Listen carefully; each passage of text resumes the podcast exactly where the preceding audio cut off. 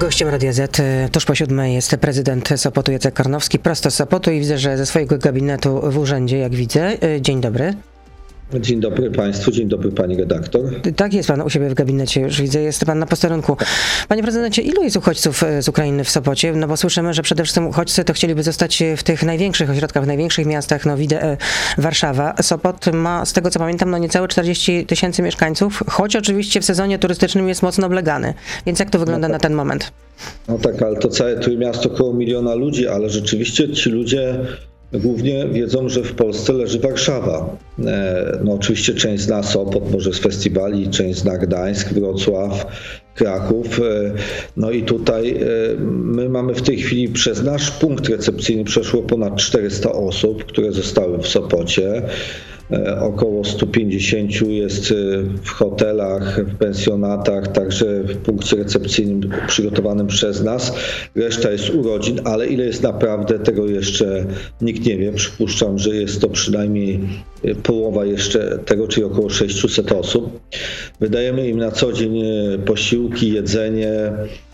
Oczywiście to, to mają pomoc psychologiczną, mają pomoc lekarską, natomiast według mnie e, no, brakuje takiej koordynacji i zdecydowanego działania, żeby prosto ze stacji na granicy wysyłać pociągi w określone regiony kraju, bo jednak większość z nich chce do Warszawy, przyszedł do Warszawy i takie przypadki od prezydenta Białegostoku i prezydenta Gdyni, że wysiadają, mówią, gdzie jest pociąg do Warszawy, prawda, bo, bo znają Warszawę.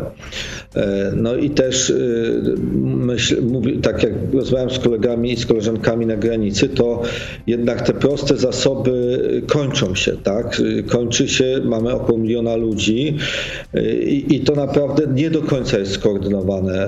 Ale czego brakuje w takim razie? I y, no. gdzie tej koordynacji brak? Z czyjej strony?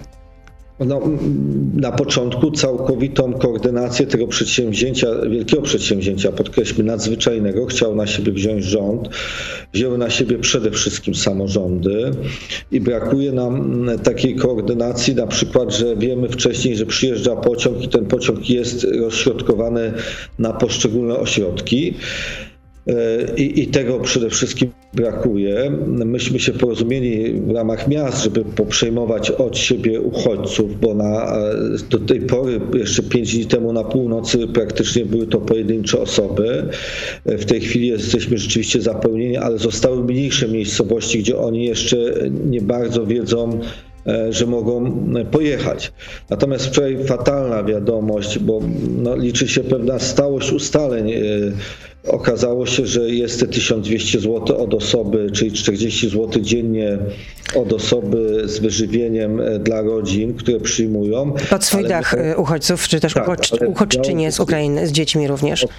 60 do 140 zł dla hoteli i pensjonatów, które przyjmą takie osoby. Wczoraj taka wiadomość od wszystkich wojewodów. Dzisiaj będziemy to weryfikować, że jest to 40 zł od osoby. No to zdecydowanie, już pomijam sezon, ale w ogóle nawet dzisiaj jest to dla hoteli i pensjonatów po prostu niewystarczająca ilość i przestały być podpisywane z nimi porozumienia. Także nasze zasoby się skończyły. Stąd też taka stałość y, decyzji powinna być. Jeżeli mówimy, że jest 100 zł, to jest 100 zł, żebyśmy potem tej sytuacji no, po prostu nie znaleźli i, i, stąd też tych miejsc zaczyna zdecydowanie brakować. Do tej pory Polska e, uchodziła z takich miejsc, gdzie nie ma obozów, natomiast w tej chwili niestety przy tej drugiej turze, przy takiej zmianie decyzyjności ze strony rządu, takiej zmiany reguł, no niestety te obozy powstaną. Ale pan mówi o tych kwotach, które znalazły się w tej nowej ustawie e, przyjętej przez rząd, w tym projekcie dotyczącym statusu uchodźców, tego, że będą mogli tutaj pracować, że, będą mogli, że dzieci mogły, e, będą mogły pójść do szkoły, że będą mogli się również leczyć. Tak? To mówi pan o, o, o tej ustawie, już nawiązuje pan do tego? Tej kwoty nie ma w ustawie. To są kwoty, e, które przekazuje rząd poprzez wojewodów samorządom i taka pierwsza informacja była o tej większej kwocie, no, która rzeczywiście, jeżeli chodzi o 40 zł od osoby dla rodzin, jest to na, na pewno wystarczające i jest to może to źle zabrzmi, ale taka zachęta, że ludzie nie zostaną sami z tym problemem, bo nieraz część z tych ludzi może zostać przez miesiąc, dwa z tym problemem, chociaż ta ustawa też jest na dwa miesiące. Nie przypuszczam, żeby za dwa miesiące była taka sytuacja, że masowo mieszkańcy Ukrainy zaczną do, odpływać od nas, także jest to też za krótko, zdecydowanie za krótko. No i zdecydowanie za mało, jeżeli chodzi na ośrodki, chodzi o ośrodki wypoczynkowe, jeżeli chodzi o e, wszelkiego rodzaju hotele. I tutaj też apel do rządu, żeby nie zmieniać tych reguł, że jeżeli się powiedziało, że do 70 do 120 zł, to taką kwotę trzeba przyjąć. Jeżeli się mówi 80, to musi być 80. No i o większą koordynację, o tym będziemy rozmawiać z rządem, bo naprawdę na razie ta koordynacja jest głównie po stronie samorządów. Tak samo jak i w drugą stronę z wysyłką darów. Też rząd chciał powiedzieć, że to Agencja Rezerw Materiałowych i wszystko, to jest koordynacja po stronie samorządów, głównie Rzeszowa, Hełma, Lublina, e, które są takimi hubami dla wysyłania e, tej pomocy, która jest zbierana przez organizacje pozarządowe i samorządy na wschód. A te kwoty, o których Pan mówi, to jest po prostu, chodzi o dzień, tak? 80-100 zł, jeśli chodzi o... Tak, o, dzień z wyżywieniem. I, no i wybaczcie Państwo, rzeczywiście albo musimy wtedy zdecydować, zamykamy sale gimnastyczne, budujemy łóżka i wtedy rzeczywiście to może być kwota 40 zł, tylko że sypie się system edukacji i, i sypie się oczywiście, no problem, że te warunki są dużo gorsze. No, ja widziałem takie obozy dla uchodźców w Niemczech czy w Turcji, gdzie leży 600 osób osób na sali i, i ma no jakieś przepierzenia. Tak chcieliśmy od tego modelu uciec i to było. No i rząd też mówi, że absolutnie y, no nie widzi tego, żeby tutaj tworzyć obozy dla uchodźców, tylko że przy tej liczbie ludzi, która tutaj napływa, no nie mamy też takich y, y, zasobów lokalowych.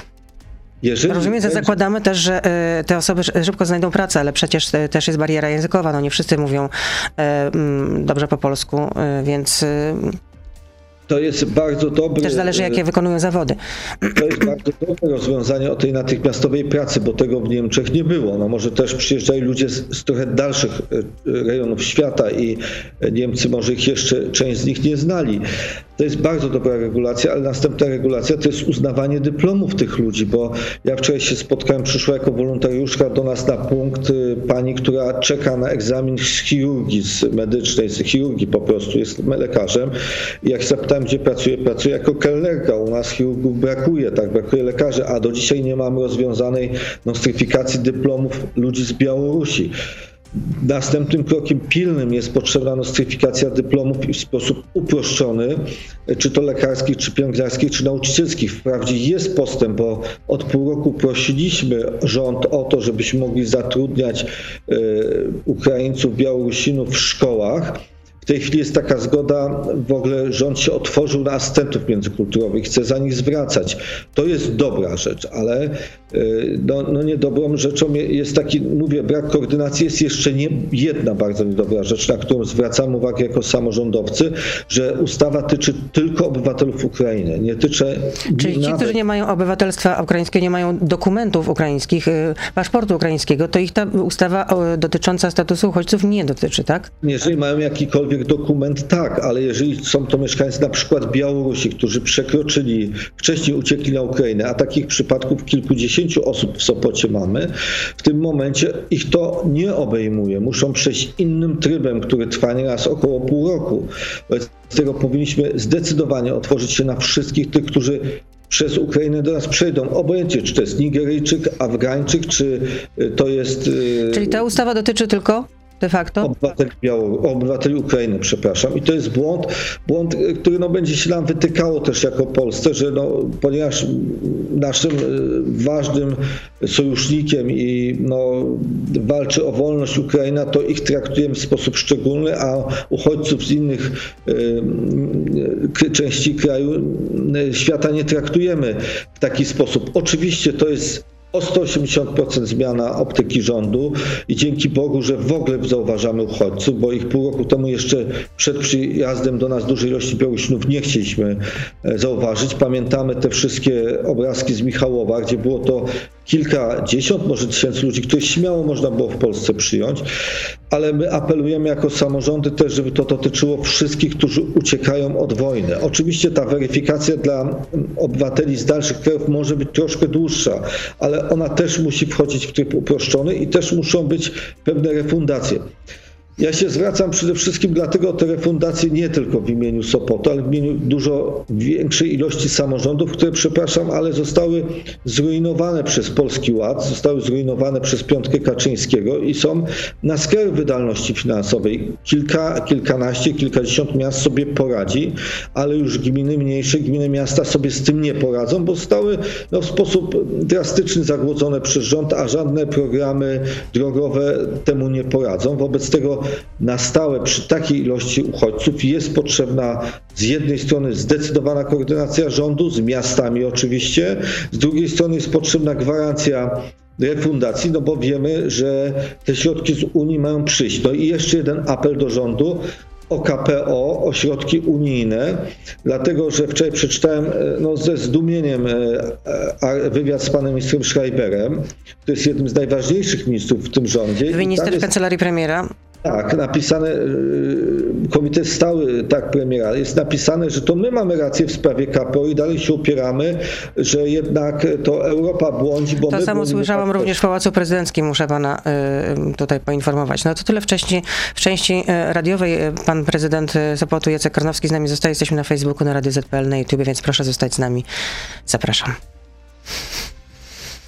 No tutaj nie zanosi się, jeśli pan tu wspomniał o, o KPO, nie zanosi się w ogóle na y, zmianę stanowiska ze strony rządu, pomimo tego, co się, y, co się dzieje. Y, jeszcze chciałbym poprosić o taką krótką recenzję w ogóle, naj, najkrótszą, jaką, na jaką mógłby sobie pan pozwolić, jeśli chodzi o tę ustawę dotyczącą uchodźców, bo czytałem wcześniejsze pana wypowiedzi i powiedział pan, że jest to przełom, ale jednak ta ustawa nie jest taka fantastyczna, jak mógłby się jest wydawać na pierwszy rzut oka.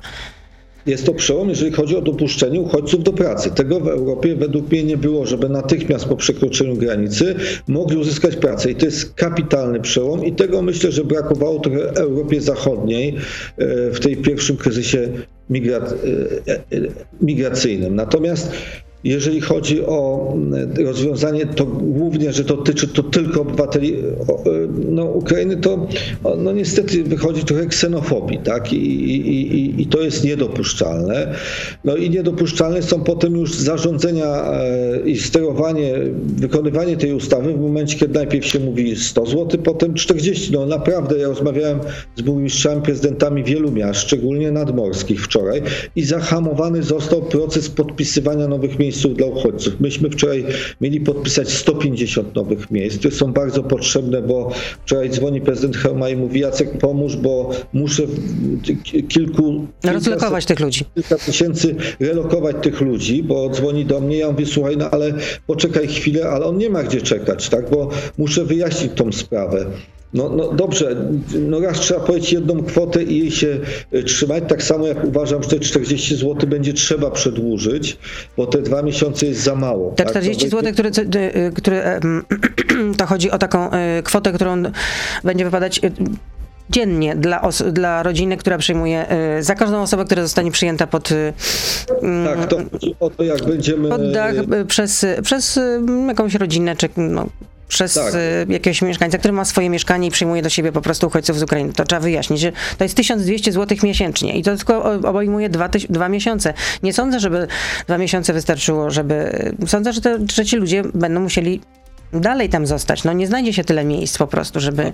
Tak, to jest następne wyzwanie, na którym mam nadzieję, że zaraz zaczniemy pracować, natychmiast. A w Sopocie znajdą się lokale, albo na przykład, czy jak to będzie na przykład ze szkołami? Czy znajdą się miejsca w, w żłobkach, przedszkolach, w szkołach? Uwaga, pani redaktor, wczoraj się zgłosiło nowych 95 uczniów do sopockich szkół.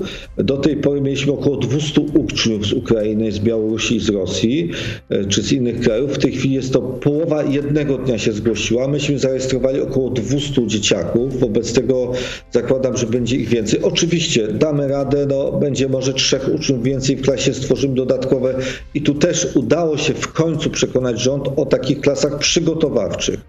No, musimy ala long stworzyć e, pracę te klasy przygotowawcze, żeby ci uczniowie mogli się uczyć języka polskiego. Mamy nadzieję, że też będzie zgoda na naukę ukraińskiego, ale też potrzebne jest dopuszczenie ich nauczycieli jako nauczycieli a nie tylko jako osoby pomocnicze. No, jednak szanujmy, jeżeli przyjmujemy imigrantów, to musimy nostryfikować ich dyplomy. Oczywiście to może trwać miesiąc, dwa, ale nie może trwać jak w przypadku zawodów medycznych przez rok. To jest niedopuszczalne, szczególnie jak są no, o tym już, myśli, to o tym już tak. mówiliśmy, ale ja chciałam jeszcze nawiązać do tego, co napisał Donald Tusk na Twitterze. A propos tej ustawy, jak sądzę, nie popełnia przestępstwa sprawca czynu zabroniowego, czyli bezkarność wobec przestępców władzy. Kiedyś w ustawie pandemicznej, a teraz w ustawie o pomocy Ukraińcom. Znowu to samo, niedobrze się robi. Co miał na myśli lider Platformy Obywatelskiej? No rzeczywiście, powiedzmy sobie szczerze, że jeżeli w każdym prawie, to nie trzeba prawa, konstytucji, jeżeli ktoś podejmuje wyższej konieczności działania, to jest chroniony przez prawo, nawet jeżeli grzech popełnia w religii katolickiej czy każdej innej. Natomiast zapisywanie tego w ustawie uważam, że jest błąd. No, no, no, zachęca do, do, do takiego już jazdy bez trzymania, prawda? Ustawa o zamówieniach publicznych też mówi, że w wyjątkowych sytuacjach, ta, która jest obecnie, można zrezygnować z trybu zamówienia przetargu pełnego, zrobić uproszczony i tak dalej. Wobec tego nikt się nie będzie bawił przy nagłych zakupach. Jeżeli to będą zakupy, które będziemy robili na pół roku, no to wtedy będziemy oczywiście tą ustawę stosować. Wobec tego uważam, że to jest przepis zupełnie zbędny i niepotrzebny.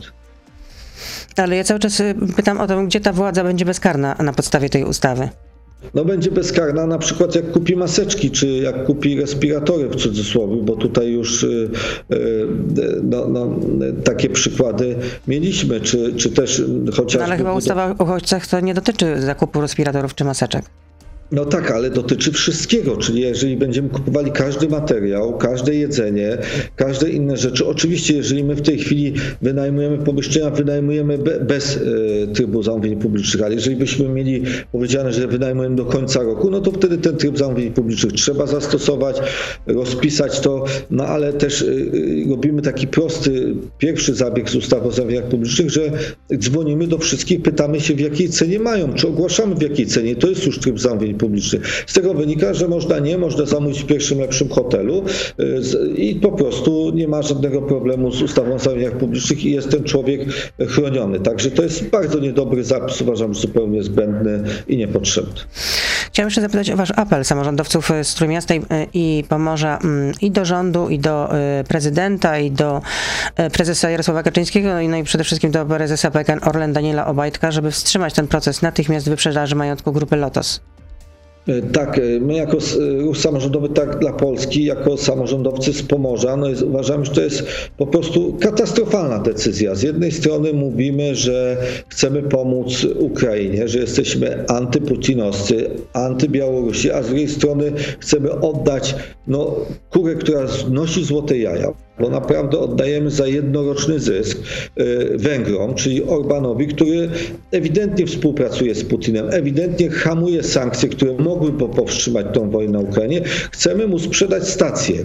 To jest zupełne nieporozumienie. Chcemy też w kryzysie olbrzymim energetycznym wyzbyć się jednej trzeciej stacji Lotosu i w ogóle jednej trzeciej Lotosu.